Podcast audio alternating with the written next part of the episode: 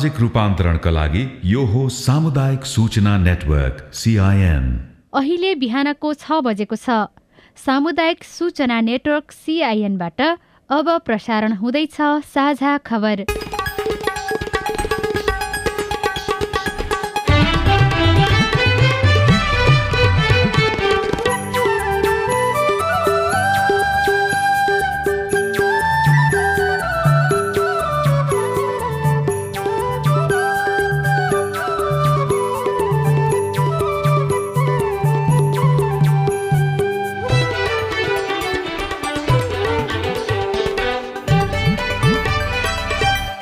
शुभ प्रभात यो सिआइएनको साझा खबर हो। स्नेहा कर्णसँगै लील प्रकाश चन्दको तपाईँलाई स्वागत छ। सामुदायिक रेडियोबाट देशैभरि एकैसाथ प्रसारण भइरहेको साझा खबर सिआइएन खबर डट कम र मोबाइल एप सिआइएनबाट पनि सुन्न सकिन्छ। आज दुई हजार उनासी साल असोज बाइस गते शनिबार अक्टोबर आठ तारिक सन् दुई हजार बाइस नेपाल सम्बत एघार सय बयालिस। आश्विन शुक्ल पक्षको त्रयोदशी उपरान्त चतुर्दशी तिथि। साझा खबरमा प्रमुख खबरका शीर्षकहरू। छलफल सुरु भएको दुई महिनापछि सत्ता गठबन्धनमा सहमति। माओवादी केन्द्रलाई पैँतालिस एकीकृत समाजवादीलाई बीस सिट राप्रपा र जसपासँग आज सहमति हुने एमाले नेताहरूको भनाई। वर्षाका कारण चौबिस घण्टामा मुलुकभरमा उनातिसवटा घटना तीनजनाको मृत्यु छजना अझै बेपत्ता। बाँके र बर्दियाका सयौं घर डुबानमा अझै तीन दिन वर्षा हुने पूर्वानुमान। प्रधानमन्त्री र मन्त्रीलाई सजिलो हुने गरी निर्वाचन आचार संहिता संशोधन समानुपातिक तर्फको मतपत्र छपाई सकियो। धेरै परिकार मिसाएर खाँदा ध्यान पुर्याउन चिकित्सकहरूको सुझाव। भारतको उत्तराखण्डमा हिम पहिरोमा परि मृत्यु हुनेको संख्या छब्बिस पुग्यो। विगर मुस्लिम सम्बन्धी चीन विरुद्ध गरिएको प्रस्ताव खारेज। यस वर्षको नोबेल शान्ति पुरस्कार तीनजनालाई। र एएफसी सत्र वर्ष मुनिको एसियन कप छनौटमा नेपाल लगातार दोस्रो पटक पराजित। वेस्ट इन्डिज विरुद्धको टी ट्वेन्टी अन्तर्राष्ट्रिय श्रृङ्खला अस्ट्रेलियालाई।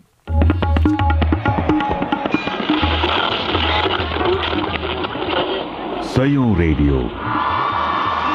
हजारौं रेडियो कर्मी र करोडौं नेपालीको माझमा यो हो सामुदायिक सूचना नेटवर्क सिआइएन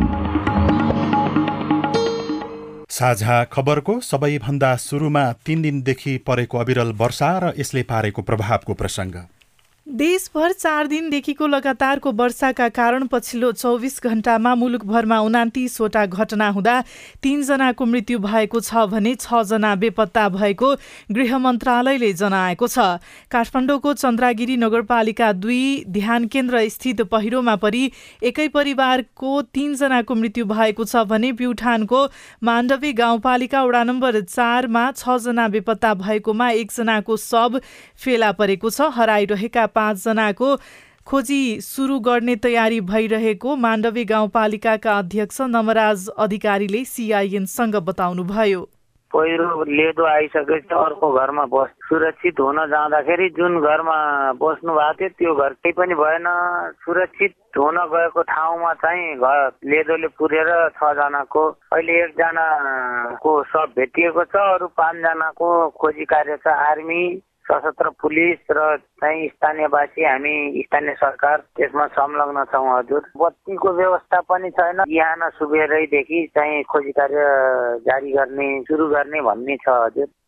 मकवानपुरको राक्सिराङ गाउँपालिकामा एकजना बेपत्ता भएको गृह मन्त्रालय मातहतको राष्ट्रिय विपद जोखिम न्यूनीकरण तथा विपद व्यवस्थापन प्राधिकरणका प्रवक्ता डाक्टर डिजन भट्टराईले जानकारी दिनुभयो। उहाँका अनुसार चौबिस घण्टामा चौध स्थानमा पहिरो झरेको छ भने छ स्थानमा भारी वर्षा भएको छ।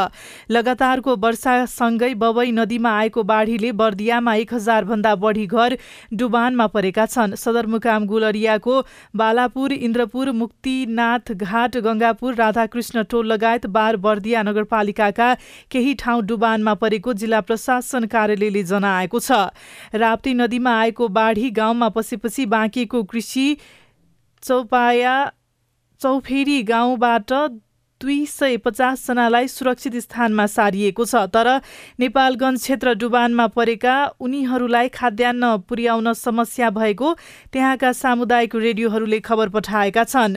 राप्ती नदीमा पानीको सतह बढेर दाङको लमही नगरपालिका वडा नम्बर आठ सतवरिया स्थित धनपुरवा दुगुरुवा र बग्रहवा साथै राप्ती गाउँपालिका वडा नम्बर पाँच स्थित सिसहनिया र वडा नम्बर चारको अनहरवा गाउँ डुबानमा परेका छन्। त्यहाँ करिब दुई सय घर डुबानमा परेका मध्ये उच्च जोखिममा रहेका पैँतिस घर परिवारका स्थानीय बासिन्दाहरूलाई सुरक्षित स्थानमा सारिएको नेपाली सेनाले जनाएको छ। बङ्गालको खाडीबाट पूर्वी नेपाल हुँदै प्रवेश गरेको मनसुनी वर्षाले हिमाली जिल्ला मनाङसम्म आउँदा हिमपातको रूप लिएको छ। चिसो मौसममा अत्यधिक चिसो र गर्मीमा बढी तातो हुन थालेको मनाङमा असोजको तेस्रो साता अक्टोबर पहिलो साता मनाङ निस्याङ र नार्पाभूमि गाउँपालिकाका पुरै बस्ती ढाकिने गरी हिमपात भएको छ।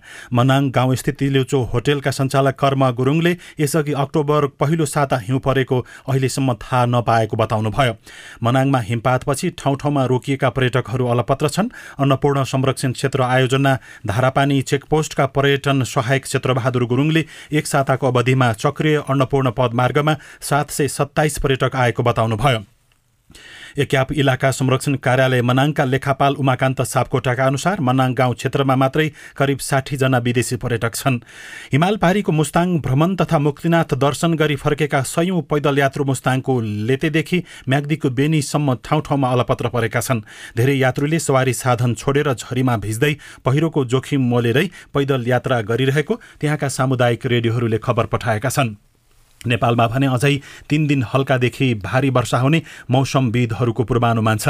लुम्बिनी र सुदूरपश्चिम प्रदेशका केही स्थानमा भने भारी वर्षा हुने र नदीमा जल सतह बढ्ने भएकाले सतर्कता अपनाउन जल तथा मौसम पूर्वानुमान महाशाखाले आग्रह गरेको छ। महाशाखाका अनुसार आज र भोलि पनि सुदूरपश्चिम र लुम्बिनीका केही स्थानमा भारी वर्षाको सम्भावना छ। बिहिबार र शुक्रबार पनि दुवै प्रदेशका विभिन्न भागमा भारी वर्षा भएको छ भने बाढी पहिरोले ठूलो क्षति समेत पुर्याएको छ। केही हिमाली जिल्लामा दुई दिन यता भारी हिमपात छ। हिमाली क्षेत्रमा समेत मौसममा छिनछिनमा बदलाव आइरहेकाले पदयात्रा नगर्न समेत महाशाखाले अनुरोध गरेको छ। महाशाखाकै मौसमविद बिनु महर्जनले नेपालको भूभागमा न्यून चापिय क्षेत्रको प्रभाव सक्रिय भएकाले वर्षा जारी रहेको बताउनुभयो। अब राजनीतिक प्रसङ्ग सिट बाँडफाँडको बारेमा छलफल गर्न थालेको दुई महिनापछि सरकारमा रहेका राजनीतिक दलहरूले सहमति जुटाएका छन्। जनता समाजवादी पार्टी बाहिरिएपछि भित्रिएको दल लोकतान्त्रिक समाजवादी पार्टी लोसपालाई काङ्ग्रेसको भागबाट सिट वितरण गर्ने गरी सत्ता गठबन्धनले प्रतिनिधि सभा तथा प्रदेशसभाको सिटको विषयमा सहमति जुटाएको हो। गठबन्धनको बैठकले नेकपा माओवादी केन्द्रलाई पैँतालिस एकीकृत समाजवादीलाई बीस र राष्ट्रिय जनमोर्चालाई दुई स्थान दिने सहमति गरेको छ। बाँकी अन्ठानब्बे स्थानमा काङ्ग्रेस र लोसपा बीच भागबन्डा हुने नेताहरूले बताएका छन्। लोसपाले प्रतिनिधि सभाका पन्ध्र स्थानमा माग गरे पनि उसलाई प्रतिनिधि सभामा दस स्थान र प्रदेशसभामा उन्नाइस स्थान दिन प्रधानमन्त्री तथा काङ्ग्रेस सभापति शेरबहादुर देवा सकारात्मक देखिएको लोसपाका एक नेताले बताएका छन्। यद्यपि यसबारेमा आज छलफल गरेर टुङ्ग्याउने सहमति भएको छ। सत्ता गठबन्धनबाट बाहिरिएको जसपा र राप्रपासँग चुनावी तालमेल गर्ने बारेमा नेकपा एमाले आज निर्णय लिने नेताहरूले दावी गरेका छन्। चुनावी तालमेलका लागि जसपा नेपालका नेतासँग छलफल गरेको र एमाले राप्रपासँग हालसम्म तीन सिटमा सहमति गरिसकेको केही नेताहरूको दावी छ। दुवै दलसँगको चुनावी तालमेलका बारेमा आज बिहानसम्ममा निर्णयमा पुगिने एमाले नेता भीम आचार्यले सिआइएनसँग बताउनुभयो। तालमेलको चाहिँ के गर्ने सम्भावना छ? सहमतिको निकट हामी छौँ होइन? त्यस पछाडि अब अझ पनि कुराकानीहरू भइरहेछ। बिहानसम्म पर्खिनुहोस् न। अब यता जसपा हुँदाखेरि लोसपालाई कम्फर्टेबल कहाँ हुन्छ उनीहरूले त्यही हिसाबले गर्नुभयो होइन। अब हामीले लान्छौँ लाँदैनौँ भन्ने कुरा भएन। सम्बन्धित पक्षले पनि त आफ्नो नीति निर्धारण गर्छ। त्यही अनुसार हुन्छ। यसैबीच नेकपा एमालेमा ओलीसँग फरक मत राख्ने नेताहरूको टिकट काटिएको भन्दै विभिन्न टिका टिप्पणीहरू पनि भइराखेका छन्। एमाले आफ्नै दलभित्र फरक विचार राख्ने नेताहरूलाई भने पाखा लगाएको पाइएको छ। अध्यक्ष केपी शर्मा ओलीको कार्यशैलीको आलोचना गरेका नेताहरूलाई दण्डित गरिएको छ। राप्रपालाई सिट छाड्ने मात्र होइन विभिन्न दलबाट भर्खरै प्रवेश गरेका व्यक्तिहरूलाई टिकट दिए पनि अघिल्लो महाधिवेशनमा उपाध्यक्ष र उपमहासचिवमा निर्वाचित नेताहरूसहित थुप्रै अनुभवीलाई भने प्रतिनिधि सभा र उम्मेद्वार जिम्मेवारीबाट वञ्चित गरिएको छ। एमाले पूर्व उपाध्यक्ष भीम रावल पूर्व उपमहासचिव घनश्याम भूषाल सहितका चौधजनाको टिकट काटेको छ। दस बुधे सहमति गर्दै पुरानो विवाद विसर्जन गर्न तयार भएका नेताहरूको पनि वफादारिता परीक्षण गरेर मात्र टिकट वितरण गरिने भएको छ। छाम एकबाट एकल सिफारिस भएका पूर्व उपाध्यक्ष रावलको नाम नेतृत्वले काटेको छ। माओवादीबाट एमालेमा प्रवेश गरेका छपट बोहरा त्यो क्षेत्रबाट उम्मेद्वार बन्नुभएको छ। दस बुधे सहमतिको पहल गरेको भनिएका रावलले एमालेको दशौं महाधिवेशनमा अध्यक्षमा ओलीसँग प्रतिस्पर्धा गर्नुभएको थियो। अघिल्लो पटक भूषाल निर्वाचित रूपन्देही तीन यसपालि भने एमाले राप्रपालाई छाड्ने सहमति गरेको छ। हिजो साँझ अध्यक्ष ओली निवास बालकोटमा दुई दलबीच भएको वार्तामा रूपन्देही तीन सहित तीनवटा निर्वाचन क्षेत्र राप्र राप्रपालाई दिने टुङ्गो लागेको हो। निर्वाचनका लागि राष्ट्रिय प्रजातन्त्र पार्टी राप्रपाले देशभरबाट उम्मेद्वारको नाम टुङ्गो लगाएको छ। केन्द्रले सबै जिल्ला कार्य समितिले दुवै निर्वाचनका लागि पठाएका करिब सात सय उम्मेद्वार मध्येबाट प्रतिनिधि सभामा एक सय पैसठी र प्रदेशसभामा तीन सय तीस उम्मेद्वार छनौट गरेको प्रवक्ता मोहन श्रेष्ठले बताउनुभयो।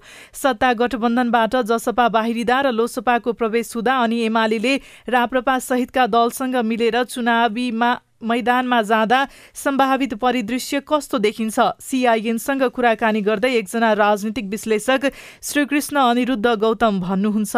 गठबन्धनले जुन किसिमको इक्वेसन जस्तो किसिमको समीकरणको अपेक्षा गरेको थियो त्यो अपेक्षा अनुरूपको परिणाम अब आउँदैन। तर यसमा अब लोसपालाई उनीहरूले कतिको कन्टेन गर्न सक्छन् त्यसमा निर्भर गर्छ।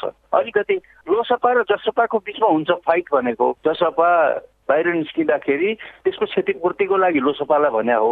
अब लोसपासँग उनीहरूको डिलिङ कस्तो हुन्छ त्यसमा पनि निर्भर गर्छ तर जसपा जाँदाखेरि लोसपा आउँदाखेरि त्यो क्षतिपूर्ति चाहिँ हुँदैन त्यो रूपमा चाहिँ हुँदैन। गठबन्धनलाई नोक्सान हुन्छ मधेसको चाहिँ विशेष गरेर धेरै जसो जातीय डाइमेन्सनमा हुन्छ क्या जस्तै जसपाको स्ट्रङ होल्ड पनि त्यही नै हो। त्यस कारणले गर्दाखेरि त्यसको जुन त्यहाँ सेयरिङ गर्दाखेरि त्यसको फाइदा चाहिँ बढी एमालेलाई हुनसक्छ। प्रतिनिधि सभा र प्रदेशसभा निर्वाचनका लागि भोलि उम्मेदवारी दर्ता गर्ने निर्वाचन आयोगको कार्यतालिका रहेको छ।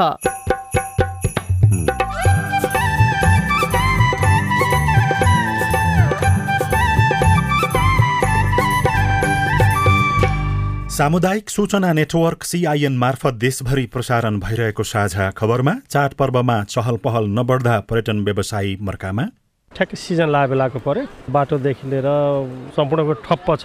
व्यवसाय हिसाबमा अब त धेरै नै घाटा क्षति छ यसले। प्रधानमन्त्री र मन्त्रीलाई सजिलो हुने गरी निर्वाचन आचार संहिता संशोधन समानुपातिकतर्फको मतपत्र छपाई सकियो लगायतका खबर बाँकी नै छन्। सिआइएनको साझा खबर सुन्दै गर्नुहोला।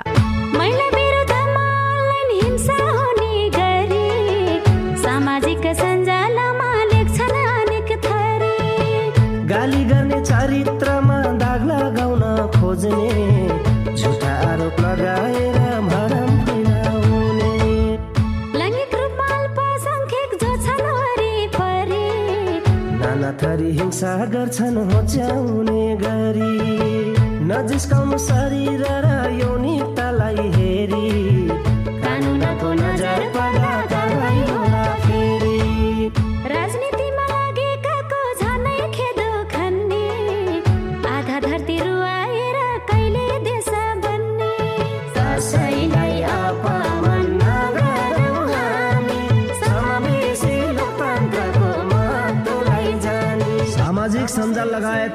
अनलाइनमा हुने मिथ्या समाचार दुष्प्रचार र घृणा जन्य अभिव्यक्ति कानुनी रूपमा दण्डनीय छ। अनलाइन हिंसा नगरौँ र नसहौँ। युएसएआइडी र एनडिआई नेपालको आर्थिक तथा प्राविधिक सहयोगमा पर्पल फाउन्डेसनको चेतनामूलक सन्देश। नेपाल टेलिकमको सूचनाको संसार। होइन के सुनेको यस्तो ध्यान दिएर दोहोरो बोलेको जस्तो नि देख्दिन। तिन दुई एक शून्य शून्य क्या? तिन दुई एक शून्य शून्य। के हो त्यो भने? बुझिन त। ल सुन एनटिसी प्रयोगकर्ताहरूले आफ्नो मोबाइल तथा ल्यान्डलाइनमा तिन दुई एक शून्य शून्य डायल गरी समाचार रेडियो कार्यक्रम खेल र अन्य विषयबारे सन्देशहरू जुनसुकै बेला निशुल्क सुन्न सक्छन्। ओहो निशुल्क? कस्तो सजिलो। समाचार सुन्न छुट्यो भनेर पिर लागेको थियो। अब त म पनि सुनिहाल्छु। कति रे? तिन दुई एक शून्य शून्य। सामाजिक रूपान्तरणका लागि यो हो सामुदायिक सूचना नेटवर्क सिआइएन तपाईँ अहिले देशभरिका सामुदायिक radio CIN Khabar dot com र मोबाइल एप सिआइएनबाट एकैसाथ साझा खबर सुन्दै हुनुहुन्छ। मोबाइल एप नेपाली पात्रोबाट पनि साझा खबर सुनिरहनु भएको छ। अब बाँकी खबर। प्रधानमन्त्री मन्त्री लगायतलाई निर्वाचन प्रचार प्रसारमा अनुकूल हुने गरी निर्वाचन आयोगले प्रतिनिधि सभा र प्रदेशसभा निर्वाचन आचार संहिता संशोधन गरेको छ। आयोगले प्रधानमन्त्री र मन्त्रीहरूलाई समेत निर्वाचन प्रचार प्रसारमा हिँड्न अनुमति दिने गरी आचार संहिता संशोधन गरेको हो। दलहरूको सुझाव अनुसार नै आयोगले आचार संहिता संशोधन गरेको आयोगका प्रवक्ता शालिग्राम शर्मा पौडेलले सिआइएनसँग बताउनुभयो।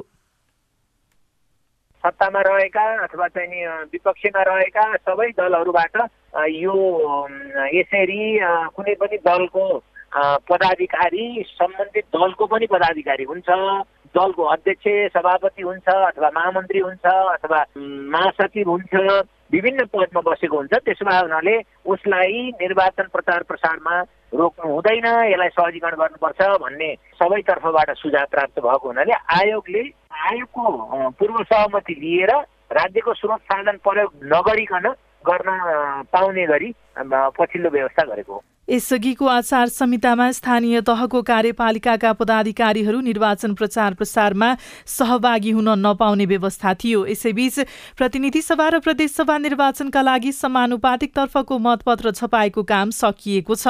झण्डै चार करोड भन्दा बढी मतपत्र छापेको आयोगका प्रवक्ता पौडेलले जानकारी दिनुभयो। उहाँका अनुसार छापिएको मतपत्र अब एक सय पैँसठी निर्वाचन अधिकृतको कार्यालयमा पठाइनेछ। आगामी अठाइस गतेदेखि समानुपातिक तर्फका मतपत्र जिल्ला पठाइने आयोगले जनाएको छ। आयोगले प्रत्यक्ष तर्फको निर्वाचनका लागि भने असोज छब्बिस गतेदेखि मतपत्र छपाएको काम सुरु गर्ने बताएको छ। दाङको रेडियो प्रकृति आजबाट तेह्रौं वर्षमा प्रवेश गरेको छ। स्थापना दिवसको अवसरमा विशेष कार्यक्रम गर्न लागि रेडियोले जानकारी दिएको छ। दशैंमा टाढा टाढा भएका आफन्तजनहरू भेला हुने भएकाले केही समय अगाडिदेखि नै खानाका परिकार जोहो गरिन्छ। तर विज्ञहरूले भने धेरै प्रकारका खाना एकैपल्ट खाँदा मानिसको स्वास्थ्यमा नकारात्मक असर पर्ने भएकाले ख्याल गर्न भनेका छन्। आहार एवं पोषण विज्ञ डाक्टर आरएम कार्कीका अनुसार मानिसले खानामा सचेतता अप्नाउन सक्यो भने धेरै रोगबाट बच्न सकिन्छ। उहाँका अनुसार घिउ र मह मिसाएर बराबर मात्रामा कहिले पनि खान हुँदैन। पानी पिउने बित्तिकै खरबुजा काँक्रा तरबुजा बदाम र घिउ तथा तेलजन्य खाद्य पदार्थको प्रयोग प्रयोग हानिकारक मानिने उहाँले बताउनुभयो मुला र दुध एकसाथ खानु पनि हानिकारक मानिने उहाँको भनाइ छ माछासँग दुध तथा दुधबाट बनेका खानेकुरा खानु पनि स्वास्थ्यका लागि घातक रहेको डाक्टर कार्कीले बताउनुभयो चिकित्सकहरूका अनुसार काँचको भाँडामा राखेको घिउ खानु पनि हानिकारक मानिन्छ भने दही र मही र मादक पदार्थ सँगसँगै खानु हुँदैन। खरबुजा र हाँसको अण्डा मिसाएर खाँदा पनि यसले स्वास्थ्यमा नकारात्मक असर पार्ने चिकित्सकहरू बताउँछन्।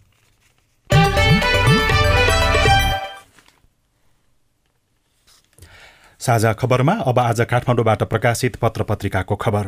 कान्तिपुर दैनिकको भित्री पृष्ठमा बैसठी जाति जो अटाएनन् समानुपातिक सूचीमा शीर्षकमा खबर लेखिएको छ। संविधानको धारा बयालिसमा एउटा हक छ सामाजिक न्यायको हक। आर्थिक सामाजिक वा शैक्षिक दृष्टिले पछाडि परेका महिला दलित आदिवासी जनजाति मधेसी थारू मुस्लिम पिछडा वर्ग अल्पसंख्यक सीमान्तकृत अपाङ्गता भएका व्यक्ति लैङ्गिक तथा यौनिक अल्पसंख्यक किसान श्रमिक उत्पीडित वा पिछडिएको क्षेत्रका नागरिक तथा आर्थिक रूपले विपन्न खसार्यलाई त्यसको पहिलो उपधाराले भन्छ। समानुपातिक समावेशी सिद्धान्तका आधारमा राज्यका निकायमा सहभागिताको हक हुनेछ। यसको अर्थ र उद्देश्य एउटै छ राजनीति र राज्यका अन्य संयन्त्रमा आउँदै नआएका वर्गलाई ठाउँ दिनु। त्यसैका लागि समानुपातिक निर्वाचन प्रणाली ल्याइएको थियो। भित्री पन्नामा अर्को खबर अर्थ मन्त्रालयसँग छलफलपछि मात्र कोरोना बिमाको पैसा बाँडिने शीर्षकमा छ। कोरोना बिमा भुक्तानीका लागि भन्दै सरकारले एक वर्ष रूप एक अर्ब रुपियाँ निकासा गरे पनि बिमितले तत्कालै रकम नपाउने भएका छन्। बिमितलाई भुक्तानी गर्न बाँकी रकमको तुलनामा सरकारले निकासा गरिदिएको रकम निकै कम भएकोले त्यस सम्बन्धमा अर्थ मन्त्रालयसँग छलफल गरेपछि मात्रै रकम वितरण गरिने बिमा समितिले जनाएको छ। घारखोला जलविद्युत आयोजना अन्तिम चरणमा शीर्षकमा घनश्याम खड्काले म्याग्दीबाट लेख्नु भएको छ अन्नपूर्ण गाउँपालिका छ घरमा निर्माणाधीन चौध मेगावाट क्षमताको घारखोला जलविद्युत आयोजना निर्माणको अन्तिम चरणमा पुगेको हो। अर्को खबर अब तथ्याङ्क सङ्कलन गर्न सरकारको अनुमति अनिवार्य शीर्षकमा लेखिएको छ राष्ट्रिय स्तरको अनु अनुमान र विवरण खुल्ने गरी विभिन्न क्षेत्रमा गरिने तथ्याङ्क सङ्कलन तथा त्यसको प्रकाशनका लागि सरकारको अनुमति लिनुपर्ने भएको छ।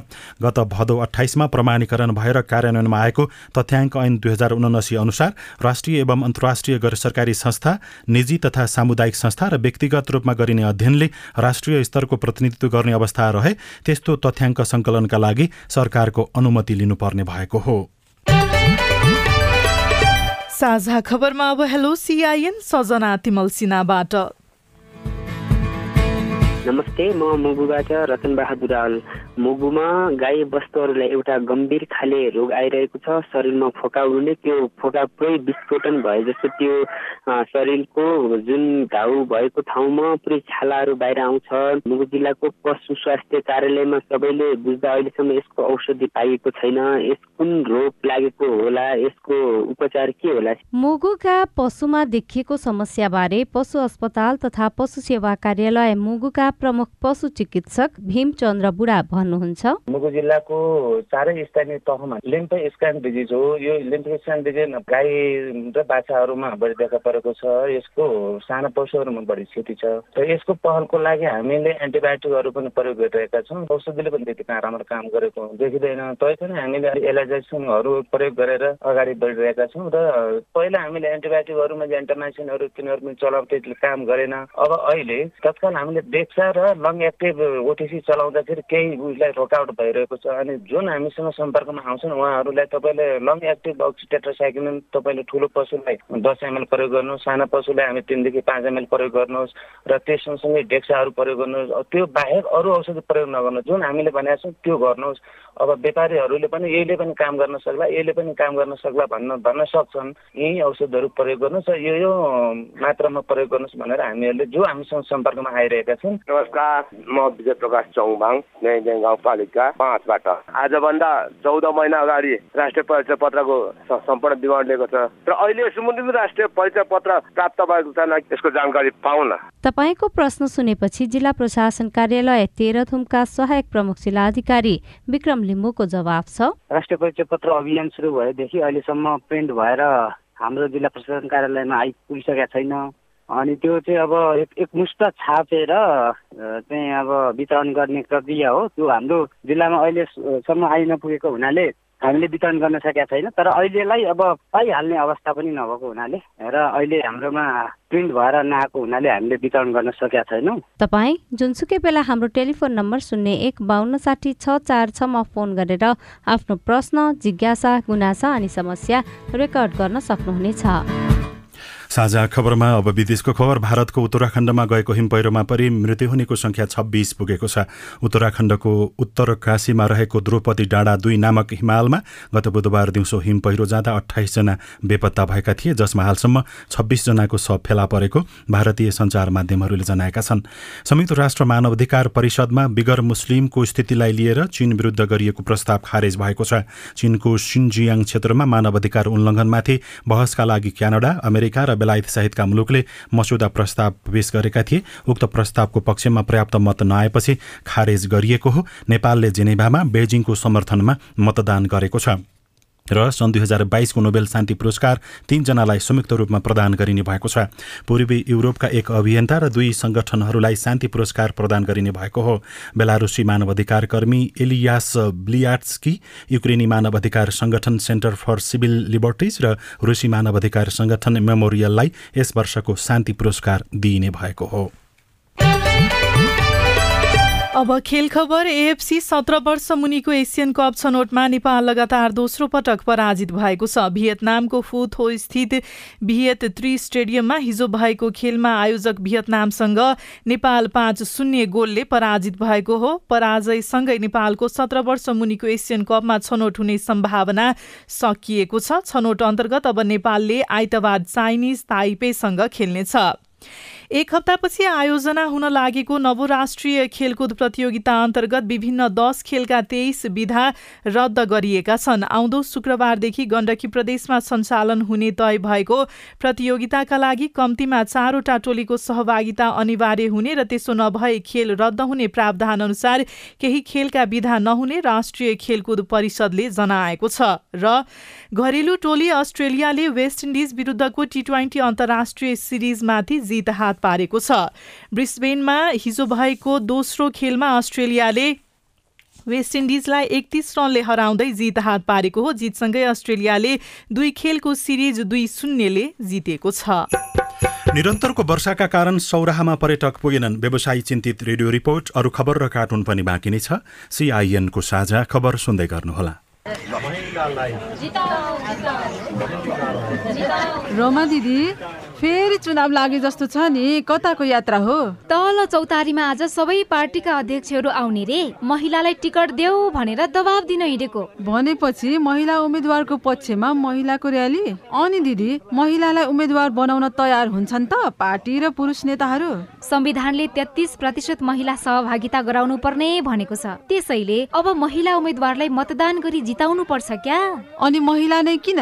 पहिलो त जनसङ्ख्याको आधारमा हाम्रो प्रतिनिधित्व हुने कुरा लोकतन्त्रको आधार हो र हाम्रो अधिकार पनि। अर्को महिलाले जितेमा महिला र अन्य पछाडि पारिएका समुदायको मुद्दा सम्बोधन नीतिगत व्यवस्था र कार्यान्वयन प्रभावकारी हुन्छ।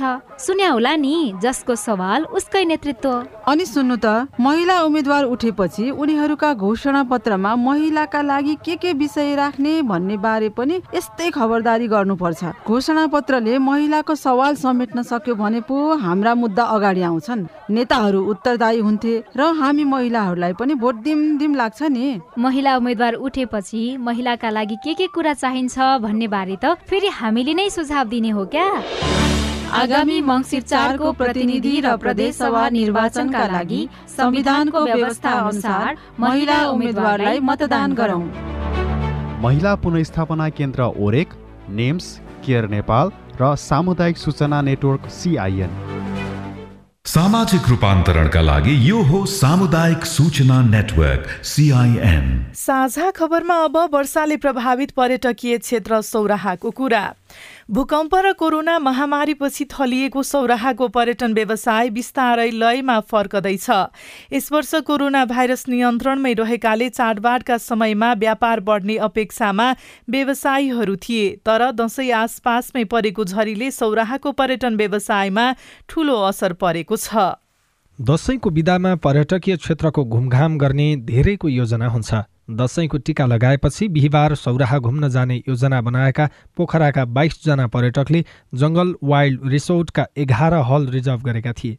तर बुधबारदेखि नै परेको झरीले सडक अवरुद्ध हुँदा उनीहरू मुगलिनबाटै फर्किन बाध्य भएकाले आफूलाई दुःख लागेको रिसोर्टका सञ्चालक टोकराज खतिवडा बताउनुहुन्छ। जानी गेस गइहाल्छन्। काहीँ बाटाहरू बसौँला भन्छन्।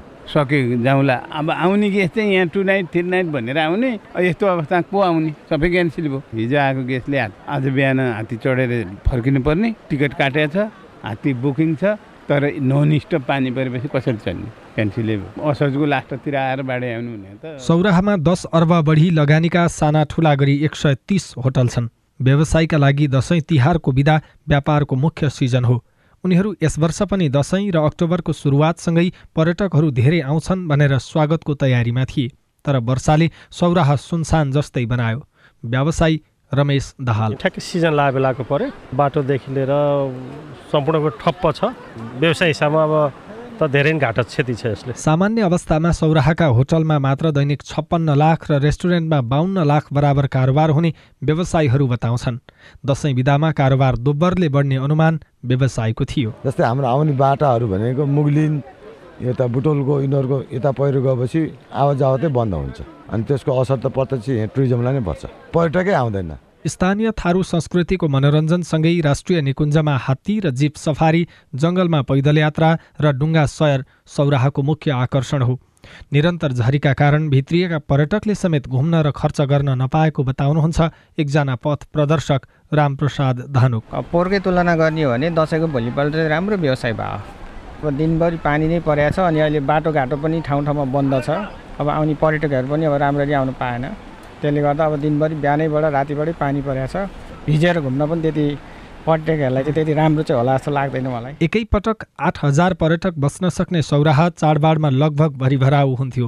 भूकम्प र कोरोनाले हराएको त्यो रौनक अझै फर्किन नसकेको व्यवसायी कृष्ण खतिवडा बताउनुहुन्छ। भूकम्प अगाडिको जुन जुन चार्मिङ थियो त्यो त भूकम्पपछि उठ्दै उठ्नै उठ्नै सकेन र विभिन्न कालखण्ड विभिन्न झन् गतिविधि झन् थपिँदै गए त्यसले झन् उठ्नै सकेको छैन। अब अहिले टिका सकियो त्यसपछि फ्लो बढ्ने हो।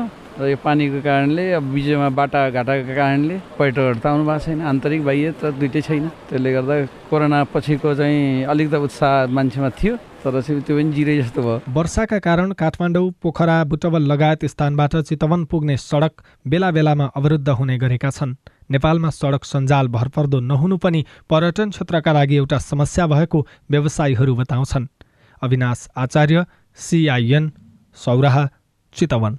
Thank you रिपोर्टसँगै हामी साझा खबरको अन्त्यमा आइपुगेका छौँ। सामुदायिक रेडियो प्रसारक सङ्घद्वारा सञ्चालित सिआइएनको बिहान छ बजेको साझा खबर सक्नु अघि मुख्य मुख्य खबर फेरि एकपटक छलफल सुरु भएको दुई महिनापछि सत्ता गठबन्धनमा सहमति माओवादी केन्द्रलाई पैँतालिस एकीकृत समाजवादीलाई बिस सिट राप्रपा र जसपासँग आज सहमति हुने एमाले नेताहरूको भनाई। वर्षाका कारण चौबिस घण्टामा मुलुकभरमा उन्तिसवटा घटना तीनजनाको मृत्यु छजना अझै बेपत्ता बाँके र बर्दियाका सयौं घर डुबानमा अझै तीन दिन वर्षा हुने पूर्वानुमान। प्रधानमन्त्री र मन्त्रीलाई सजिलो हुने गरी निर्वाचन आचार संहिता संशोधन समानुपातिक तर्फको मतपत्र छपाई सकियो धेरै परिकार मिसाएर खाँदा ध्यान पुर्याउन चिकित्सकको सुझाव। भारतको उत्तराखण्डमा हिम पहिरोमा परि मृत्यु हुनेको संख्या छब्बिस पुग्यो। विगर मुस्लिम सम्बन्धी चीन विरुद्ध गरिएको प्रस्ताव खारेज यस वर्षको नोबेल शान्ति पुरस्कार तीनजनालाई दिइने। र एएफसी सत्र वर्ष मुनिको एसियन कप छनौटमा नेपाल लगातार दोस्रो पटक पराजित।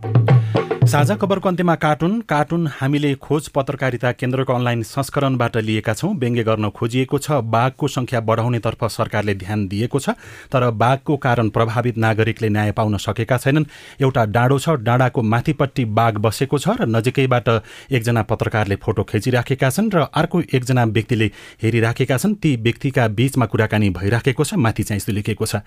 बाघको सङ्ख्या लोभलाग्दो गरी बढो। बाघ बढे पनि गोठ रित्तिएको छ तर अन्न फल्न छाडेको बारेमा कसैलाई मतलब छैन। हवस् त प्राविधिक साथी सुभाष पन्तलाई धन्यवाद। अहिलेलाई लीलप्रकाश चन्द्र स्नेहा कर्ण विदा भयो। तपाईँको आजको दिन शुभ होस्। नमस्कार। यसपछि देशभरिका सामुदायिक रेडियोबाट कार्यक्रम सोधी खोजी प्रसारण हुनेछ। सुन्ने प्रयास गर्नुहोला।